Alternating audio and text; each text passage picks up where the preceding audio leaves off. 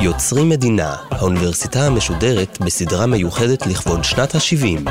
השבוע, הדוקטור אורלי שבי, מרצה במחלקה לתולדות האומנות באוניברסיטת תל אביב ובאקדמיה לאומנות ועיצוב בצלאל, על דימויי העבר ונוכחותם באומנות הישראלית. והפעם, ההיסטוריה של האוטופיה, אומנים ישראלים מאתגרים את סיפורי העבר. עורכת ראשית, מאיה גאייר.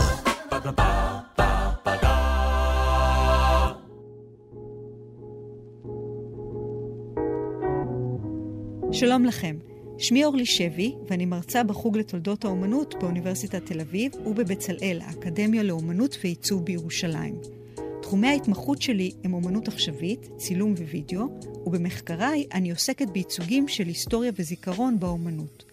זה הנושא שיעמוד גם במרכזה של סדרת ההרצאות הזו, שבה אבקש לשרטט בקווים כלליים את האופן בו התפתח העיסוק בהיסטוריה ובזיכרון באומנות הישראלית.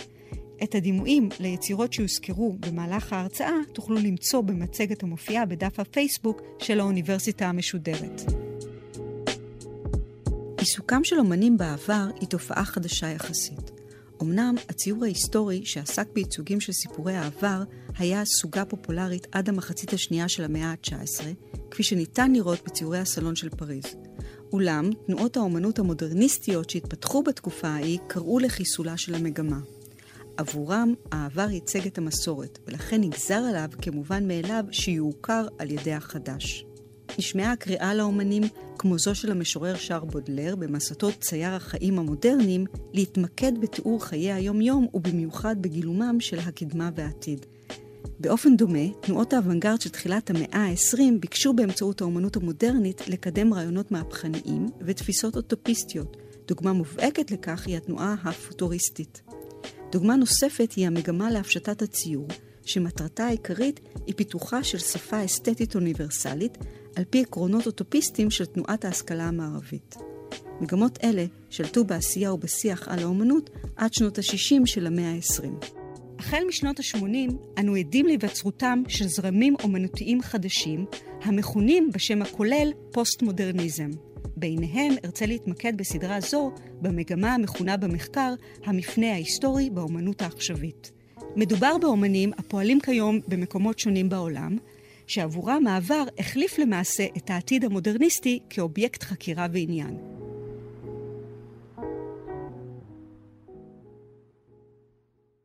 מבין כל מבקרי האומנות שעסקו בתופעה, ארצה להתמקד בטיעוניו של התיאורטיקן הצרפתי ניקולה בוריו. בוריו הבחין כי מפנה אומנותי זה קשור לשינויים החברתיים הדרמטיים בשלושים השנה האחרונות, הסובבים סביב תחושת אובדן האמון ברעיונות של העתיד, הקדמה והאוטופיה, ובמיוחד בחשדנות שפיתחנו כלפי הפוליטיקה האוטופית. בעקבות כך, מסביר בוריו, העבר וייצוגיו הפכו לנוכחים באומנות בת זמננו, ובתערוכות בולט במיוחד השימוש הרב בפרגמנטים היסטוריים ובתיעוד מהעבר, זאת על מנת לעסוק בסוגיות מההווה. אומנים עכשוויים, הוא טוען, מתייחסים אל ההווה כאל חורבה ארכיאולוגית הגדלה כל הזמן, ורבים מהם מגדירים את עיסוקם כפרקטיקה ארכיאולוגית. איפשהו בתת מודע נוצרה הבנה שאנו חיים בעולם שלא נשאר בו דבר לגלות, וכך, באופן מוזר, היבשת האחרונה שנותרה כיום לגילוי היא ההיסטוריה. החדש הוא כבר לא העניין, אלא הגילוי. לכן הארכיאולוג גורס בוריו מכונן את החוליה המחברת בין דמותו של מגלה הארצות המודרניסטית לדמות האומן הביקורתי. אם כן, העמדה משתנה. לא האוטופיה מנחה כעת את האומן במאמציו לעזור לנו להבין את ההווה, כי אם העבר. זהו הטיעון שארצה לקדם גם בחקירתי את האומנות הישראלית בסדרה זו. המטרה תהיה ראשית למפות את המופעים של ההיסטוריה הישראלית באומנות בשלושים השנה האחרונות, ובהמשך לכך להבין כיצד העיסוק בעבר מהווה למעשה טריגר לדיון במציאות החיים העכשווית בארץ. למרות שהמפנה ההיסטורי קשור, כפי שהצגתי, לזרם אומנותי המתקיים במקומות רבים בעולם, חשוב יהיה לי לעמוד על ייחודו של המקרה הישראלי ביחסו המורכב אל עברו. ומתוך כך אני מאמינה, ניתן יהיה להבין טוב יותר את העמדה הביקורתית שלקחה על עצמה האומנות הישראלית העכשווית.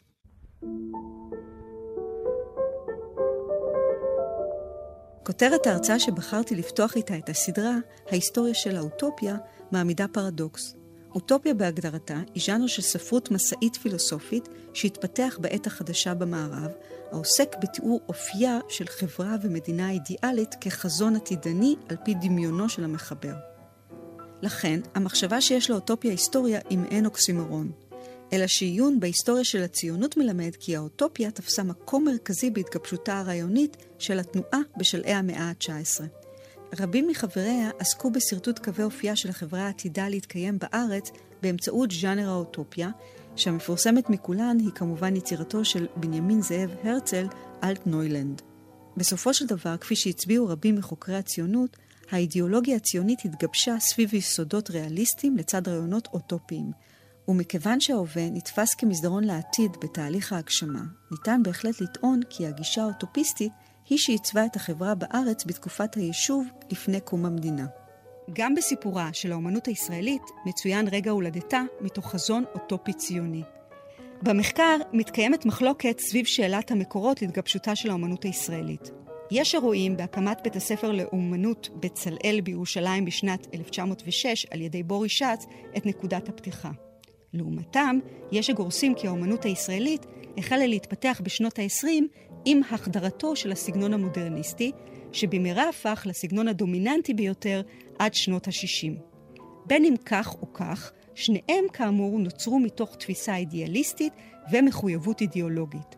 סיפורו של בורישץ ושל הקמת בצלאל סופרו כהגשמת חזון נבואי עוד בחייו, הוא עצמו תרם לטיפוח המיתוס בכתיבת ספרו ירושלים הבנויה שיצא לאור ב-1924.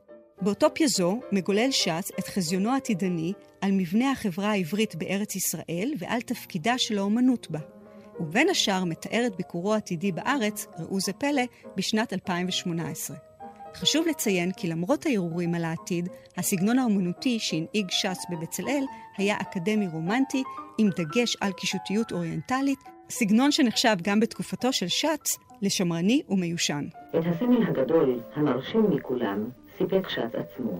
סמל למוסד שהקים ולקו האומנותי שלו. אבל האם היו באמת כל תלמידי בצלאל שותפים לאמונתו בקו הזה?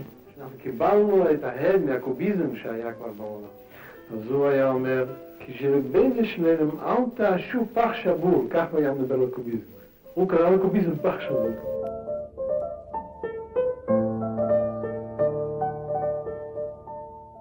לעומתו, הקישור בין האומנות המודרנית לאוטופיה הציונית פחות מובהק. אחרי הכל, מודרניזם, אותם זרמים אומנותיים שפעלו החל מאמצע המאה ה-19 ועד שנות ה-60 של המאה ה-20, ביקשו לייצר חקירה פנימית של המדיום האומנותי ולזקק אותו ממרכיבים הזרים לו, כגון פרספקטיבה, ובמיוחד מנרטיביות, כמו זו המצויה בציורים היסטוריים. עיסוק זה מבקש לבודד את האומנות מכל דיון פוליטי, אידיאולוגי או כלכלי, ולשמר אותה בתוך ספירה אוטונומית, משמע יצירת אומנות לשם אומנות. המודרניזם יובא לארץ בשנות ה-20 על ידי מהגרים יהודים כמו יוסף זריצקי, ראובן רובין ומרסל ינקו, שלמדו ועסקו באומנות עוד באירופה. מהר מאוד הפך המודרניזם לפופולרי גם בקרב ציירים צעירים, שהתחנכו בארץ, חלקם אף בוגרי בצלאל של שץ, כמו נחום גוטמן, יחזקאל שטרייכמן, ציונה טאז'ר ורבים אחרים. הם ראו באימוץ הסגנונות המודרניסטיים דרך להיבדל מהסגנון הבצלאלי המיושן. יתרה מכך, בשל היותו של המודרניזם סגנון חדש ואוונגרדי גם במרכזי האומנות באירופה, העיסוק בו הצביע עבורם על קשר ישיר והדוק לאותם מרכזים תרבותיים. הם החשיבו את עצמם כחלוצים, המביאים איתם לשממה את בשורת התרבות והאומנות החדשה. מי שהיטיב לנסח זאת היה יוסף זריצקי, שעמד בראש אגודת הציירים והפסלים העבריים בשנות ה-30 וה-40, והיה ממקימי קבוצת האומנות המודרניים החשובה אופקים חדשים. בתקנון הקבוצה הוא מציין כי תפקידם של הציירים הוא טיפוח אומנות מקורית, תוך הקפדה על רמה גבוהה והזדהות עם אומנויות זמננו הנושאות את רעיון הקדמה.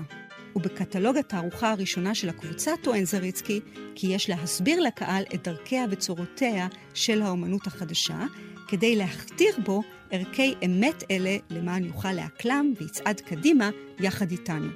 כלומר, למרות העיסוק המתבדל במודרניזם, המבקש לשמר את האומנות כספירה אוטונומית, הצליחו בכל זאת האומנים העבריים לפתח אידיאל אומנותי המחויב לרעיון הקדמה על פי מודל הנאורות, ובכך ראו את תרומתם הייחודית לחזון הציוני. הזיקה לאידיאולוגיה הציונית ולרעיונות האוטופיסטיים מוטמעים בעקרונות מגילת העצמאות, ואידיאולוגיה זו הפכה לקונסנזוס בשיח הפוליטי שהתקיים במדינה בעשורים הראשונים להקמתה. כך שסיפורה של החברה הישראלית הפך לסיפור של הגשמת האוטופיה, אלא שהאתגרים הרבים איתם נאלצה להתמודד המדינה הצעירה יצרו סדקים בקונסנזוס, ובשיח הציבורי החלו לעלות ספקות רבים באשר לרלוונטיות של אותו חזון אוטופי אל מול האתגרים של המציאות הישראלית. המתקפה על האידיאליזם הציוני הייתה תוצאה של תהליך מתמשך שעברה החברה בארץ, שכלל שינויים דוריים בהנהגת המדינה ופרידה מדור האבות המייסדים. במיוחד הורגש כרסום מתמיד בציווי להגשמה קולקטיבית לטובת תהליכי הפרטה מואצים ודגש על הגשמה אינדיבידואלית כתוצאה מחדירתם של רעיונות והשפעות של תרבות אמריקאית. חוקרים רבים מזהים את שנת 1973 כנקודת השבר, במיוחד לאור טראומת יום כיפור, וטוענים כי החברה הישראלית עברה אז מאתוס של חברה חלוצית והירואית לאתוס של חברת ראווה צרכנית. בהתאם, השתנה גם היחס אל העבר הציוני והחזון האוטופי שבליבו. כך הפך הדיון בחלום הציוני ושברו לנושא פופולרי בתרבות הישראלית.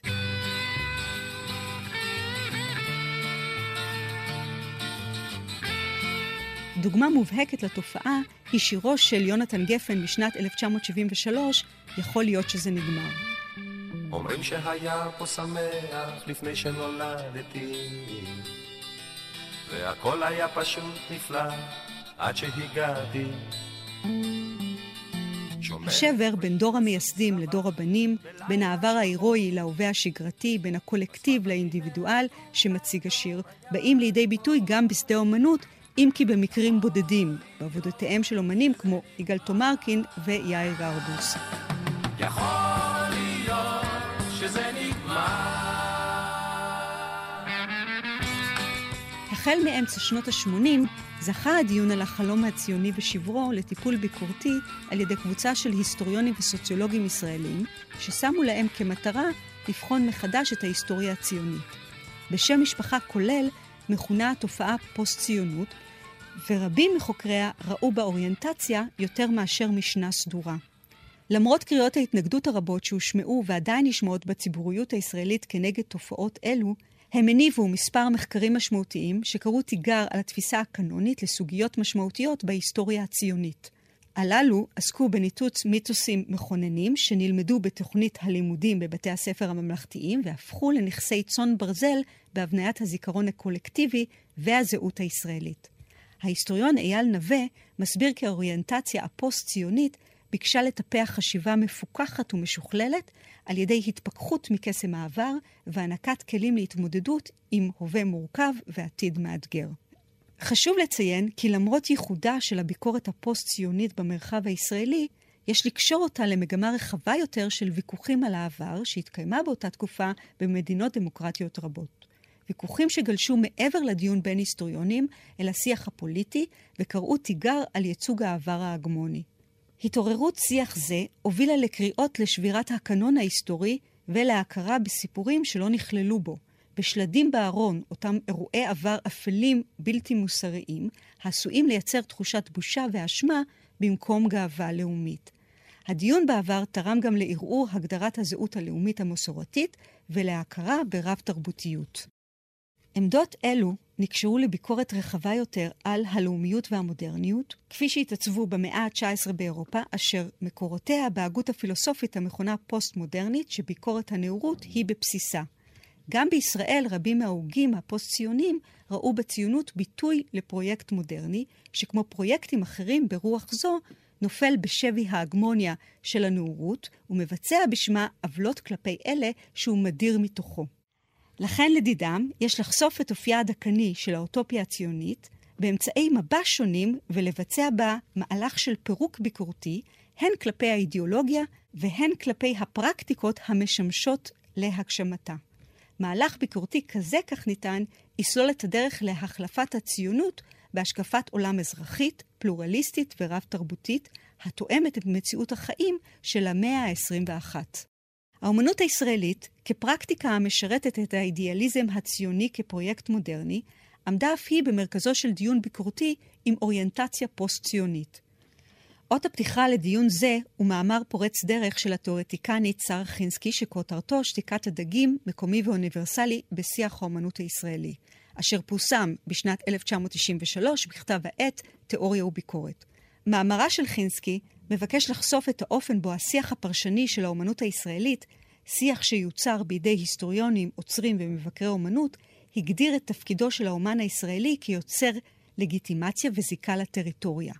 דוגמה לכך היא יצירת ביטוי כמו האור הישראלי, שנקשר במיוחד לפרשנות על ציוריו של יוסף זריצקי והמודרניזם הישראלי, וביקש, באופן פרדוקסלי, לזהות בציורים המופשטים את איכות האור הייחודית לארץ ישראל. חינסקי מטיבה לתאר את האופן בו השיח שהתפתח באמנות הישראלית לדורותיו, מגדיר יצירה מקורית ככזו המתייחסת לתופעות לוקאליות. זאת אומרת, מדובר בדיון המתקיים ברובו בציר המרחב והטריטוריה. במאמרה היא מתייחסת גם לאופן בו מתקיים באמנות הישראלית דיון על העבר, ויוצאת כנגד השיח המבקש לראות את השימוש בנרטיב הציוני כחיפוש אחר מקור לאותנטיות.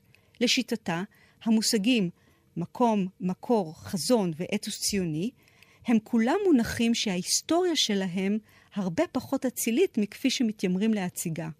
אי לכך, היא מזהירה, עולם האומנות לא יכול לאמץ את הנרטיב והאתוס הציוני תוך הפרדתו מן הפרקטיקות הדקניות שלו. בעקבות מסקנותיה של חינסקי, ארצה להציג דוגמאות לפרויקטים אומנותיים המבקשים לחשוף את אותה הבעייתיות בהיסטוריה של האומנות הישראלית. המשותף להם הוא האופן בו יוצרים האומנים דיאלוג עם העבר באמצעות השפה האומנותית, ובכך חושפים, כמו ארכיאולוגים, את נוכחותם של פרקטיקות דקניות גם באומנות. מרכיב משותף נוסף הוא העיסוק בטריטוריה ובנוף הישראלי. זאת תוך פיתוחו של מבט מורכב וביקורתי.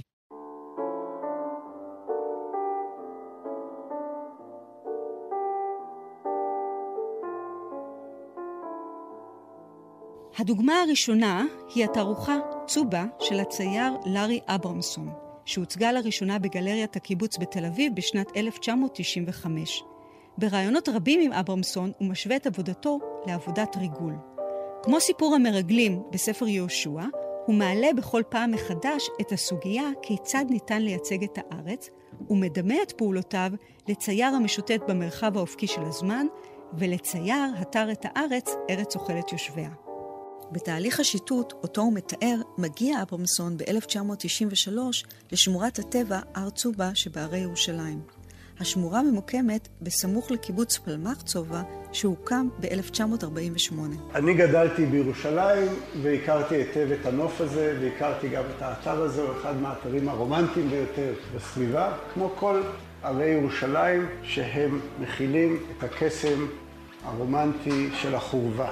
תמיד נוף שיש בו חורבה במסורת הפיטורסקית, הרומנטית, זה נוף שמדבר באיזה אופן כללי על אוטופיה שעבדה, אוטופיה שעוד תחזור בימי תור הזהב וכל הדברים האלה. אבל יום אחד ב-93 ראיתי את האתר הזה לראשונה, להסתכל ונגיד כמשהו באמת, כפר נטוש, מקום מגורים של אנשים שברחו סלש גורשו בבתיהם. אברמסון מתאר את היכרותו רבת השנים עם האזור, במיוחד דרך סדרת ציוריו של יוסף זריצקי, המכונה צובה. זריצקי נהג לשהות בקיבוץ בחודשי הקיץ בשנות ה-60 וה-70 ולצייר את נופי האזור בצבעי אקוורל בסגנונו המודרניסטי על סף ההפשטה. אולם, רק ב-1993 מתחיל אברמסון לראות באמת את המקום ולהבין מהו. חורבות ושרידים של כפר ערבי שתושביו נטשו או גורשו ב-1948. הוא מכנה את הרגע הזה כהתפכחות המבט, וקושר אותו לאירועים היסטוריים של תקופתו, במיוחד להסכם אוסלו, לרגע בו הישראלים והפלסטינאים מתבוננים ומכירים זה בזה, וטוען כי ייתכן שהיה זה הרגע שהעלה בו את השאלה המוסרית, מה תפקידו של הצייר הישראלי אל נוכח המציאות של הסכסוך.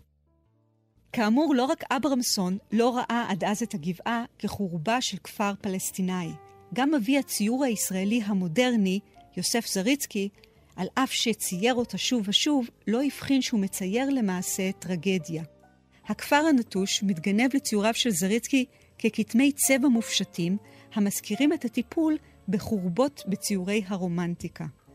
אברמסון מצליח לשוב ולטפל בתל צובה מתוך דיאלוג ביקורתי עם זריצקי על מעשה הציור המודרני. מה שאפיין את אופקים חדשים בעיניי זה שימוש בצורות מודרניסטיות כדי לא לראות את המציאות הפוליטית.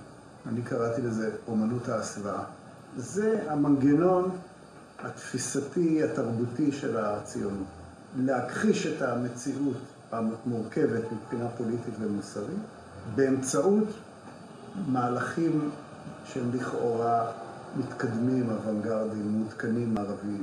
בניגוד לעשייה של זריצקי, שיצא אל הנוף, אברמסון מצייר את הנוף בסטודיו, מתוך עדות צילומית מהשטח, כמו מרגל. הוא מתאר את התהליך כחיפוש אחר דרך ייצוג חליפית. בהתחלה הוא מצייר את הצילום על פי השפה המוכרת של המודרניזם, כך שנוצר ציור מסוגנן למדי של הנוף, מתוך תחושת אי נחת הוא מנסה לטשטשו, מצמיד על פני הציור דף עיתון ומיד מקלפו. התוצאה שמתקבלת היא שיקוף של ציור צובה על דף עיתון שהוא מעורפל, למעשה מופשט. השימוש בדף מעיתון יומי מייצר מפגש מעניין בין הציור של התל עם המציאות הישראלית בת זמנו. כך, כותרות על הסכסוך הישראלי-פלסטיני ומודעות פרסומת לנדל"ן מבצבצות כרקע עליהם מצוירות חורבות צובה. למרות שהתהליך מייצר הפשטה, אין זו ההפשטה הלירית של זריצקי, אלא ההפשטה האגרסיבית, הפשטה באמצעות הריסה, והציור הופך בו לחורבה. אברמסון חוזר לייצר דיאלוג ביקורתי עם ההיסטוריה של המודרניזם הישראלי, גם בסדרת העבודות אוטופיה ישראלית משנת 2004. גם במקרה הזה, המניע לסדרה הוא מראה בנוף, חומת ההפרדה הממוקמת במבואות ירושלים על כביש 443 אל מול הכפר הפלסטיני ביר נבאללה. החומה צוירה מהצד הישראלי בציור קיר בו מתוארים בדרך אשלייתית שורה של קשתות אוריינטליסטיות שמתוכם ניבט נוף של מרחבים ירוקים ריקים ושמיים כחולים. ייצוג זה הזכיר לאברמסון את תפיסת החזון הציוני המדומיין של ארץ ריקה הממתינה לבוניה, ובכך את הפרקטיקה המתמשכת של הסתרת או הדרת תושביה המקומיים. מעבר לכך, אברמסון מזהה בסגנון המינימליסטי בו מצויר הנוף בחומה את המרכיבים של סגנון ציור זה שהתפתח בישראל בשנות ה-60 עם ציירים חשובים כמו מיכאל גרוס ואורי רייזמן. גרוס ורייזמן יצאו שניהם אל הנוף הישראלי ותיארו אותו בשניים עד שלושה צבעים, בדרך כלל בוהקים, תוך חלוקה ברורה לשמיים כחולים, פני שטח וצמצום מרבי בתיאור האלמנטים בנוף כגון מבנים וצמחייה. מבט ביקורתי בציורים אלו חושף ומבהיר עד כמה המראה הטהור של המודרניזם משרת, מתוך צו פנימי עמוק, את המדומיין הציוני על הארץ השוממה. גם במקרה זה נוקט אברמסון באסטרטגיה של דיאלוג עם שפה ציורית זו, וכאקט חתרני הוא מאמץ את עקרונותיה הסגנוניים כבסיס לסדרה אוטופיה ישראלית. את הציורים בסדרה הוא מצייר על מצע של מודעות המופיעות בעיתוני התקופה לפרויקטים קבלניים חדשים ברחבי הארץ שמבטיחות רכישה של בית חלומות כאוטופיה נדל"נית. הוא משאיר את דימוי המבנים במודעה, וכרקע משתמש בפלטה הצבעונית המינימליסטית של ציור החומה, המבוסס על סגנון המינימליזם הישראלי. התוצאה היא דימוי של בית חלומות ישראלי, הממוקם בתוך הנוף השומם של חומת ההפרדה.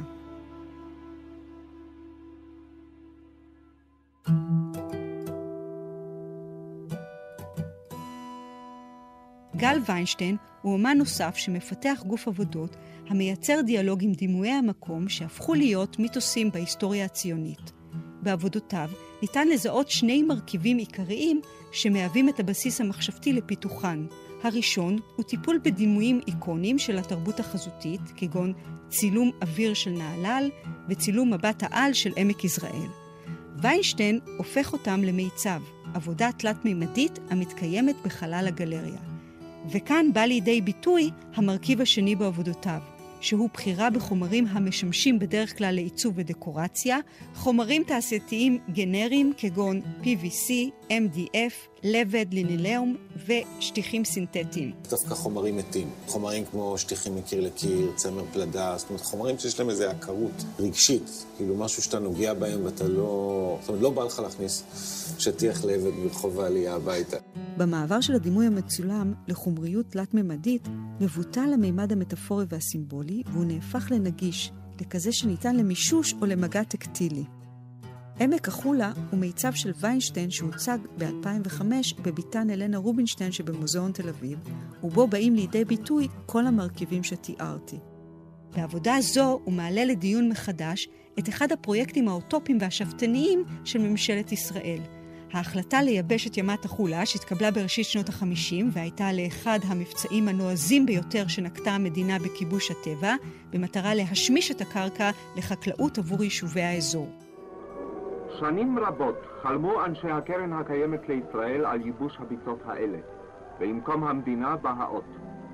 זה למעלה משנה שפועלים ומהנדסים יוצאים יום יום לעבודה, לשנות מעשה בראשית, להיאבק עם כוחות הטבע. בדיעבד, פרויקט זה, המשתמש בהיגיון של החזון הציוני לייבוש הביצות וכיבוש השממה, הפך להיות מפגע אקולוגי. בשנות ה-90 אף הוחלט על שיקום האגם והפיכתו שוב לשמורת טבע. ויינשטיין יצר סדרה של עבודות קיר המבוססות על דימויים צילומיים מתוך ספרו של הצלם הישראלי פטר מרום, שירת האגם הגובע, שיצא לאור בשנת 1960. הצילומים של מרום מתארים את חיי הטבע באגם החולה רגע לפני ייבושו, וכן את רגעי הגסיסה והכיליון לאחר התחלת פעולות הייבוש. ספרו של מרום הוא למעשה התיעוד העיקרי לפרויקט אוטופי זה, והיה לרב מכר בשנות ה-60 בארץ. מרום אמנם מתאר בו, בלב דואב, את השינויים שמתרחשים באגם שהכיר ואהב כל כך, אבל הוא אינו מביע עמדה כלשהי כלפי פרויקט הייבוש. ויינשטיין משחזר את צילומיו של מרום באמצעות הדבקה של צמר פלדה על לוחות MDF גדולים, וכך הם הופכים למעין ציורי קיר ענקיים. מבט מרחוק מעלה את החשד כי מדובר בהגדלתם. אך כאשר מתקרבים נחשפת מלאכת ההדבקה הסיזיפית, וכמובן החומריות יוצאת הדופן לעשייה אומנותית בעלת טקסטורה גסה ומחוספסת. מהלך זה מעלה אצל הצופה תחושה פרדוקסלית במפגש המתעתע שבין מראות הטבע הנשגבים והמלאכותיות הבוטה ממנה הם עשויים. בעבודה נוספת בתערוכה, שחזר ויינשטיין במיצב את אחד הצילומים האחרונים בספרו של מרום, המתאר את אדמת האגם היבש כסדוקה ובקועה. ויינשטיין הניח על רצפת החדר לוחות MDF, עליהם חרט את הסדקים המתוארים בצילום. כוחה של העבודה טמון ביכולת האשלייתית של החריטה לייצר במרחב המוזיאון את אותו מראה של אדמה צחיחה ויבשה המזכירה מדבר. גם כאן מתקיים אותו פרדוקס של יצירת מראות טבע באמצעים מלאכותיים, המעלה על הדעת את הרגע העכשווי בו אנו נאלצים להתמודד עם השלכותיהם של הרעיונות האוטופיים לכיבוש הטבע ושעבודו לצרכים האידיאולוגיים של האדם.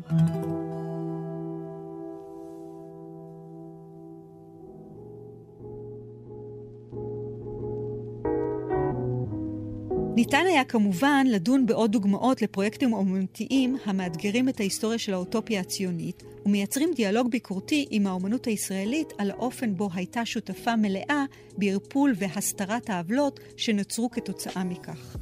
חשוב לציין כי החתירה המתמדת לפירוק האתוס הציוני מגיעה דווקא מההכרה בכוחה ובחסינותה של החברה הישראלית כיום, המסוגלת לבצע את המעבר ההכרחי מעקרונות אידיאליסטיים של האתמול אל עבר העתיד. אי לכך, האומנים שהצגתי רואים בפיתוחו של המבט הביקורתי לא רק פעולה הכרחית להבנת המורכבות של העבר הציוני, אלא כאפשרות להבנות באמצעותו חברה דמוקרטית ורב-תרבותית. כפי שאציג בהרצאה הבאה, זהו חזון המבקש לעצב את החברה הישראלית, למרות קשיי העבר, כמכילה בתוכה מרחב של זהויות המתקיימות זו לצד זו.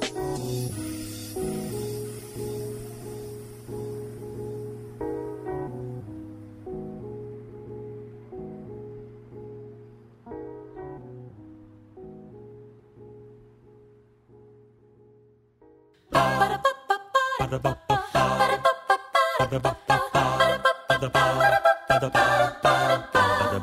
יוצרים מדינה, האוניברסיטה המשודרת בסדרה מיוחדת לכבוד שנת ה-70. השבוע, הדוקטור אורלי שבי, מרצה במחלקה לתולדות האומנות באוניברסיטת תל אביב ובאקדמיה לאומנות ועיצוב בצלאל, על דימויי העבר ונוכחותם באומנות הישראלית. והפעם, ההיסטוריה של האוטופיה, אומנים ישראלים מאתגרים את סיפורי העבר. עורכת ראשית, מאיה גאייר. מפיקה, נוגה סמדר. האוניברסיטה המשודרת, בכל זמן שתרצו, באתר וביישומון גלי צה"ל, ובדף הפייסבוק של האוניברסיטה המשודרת.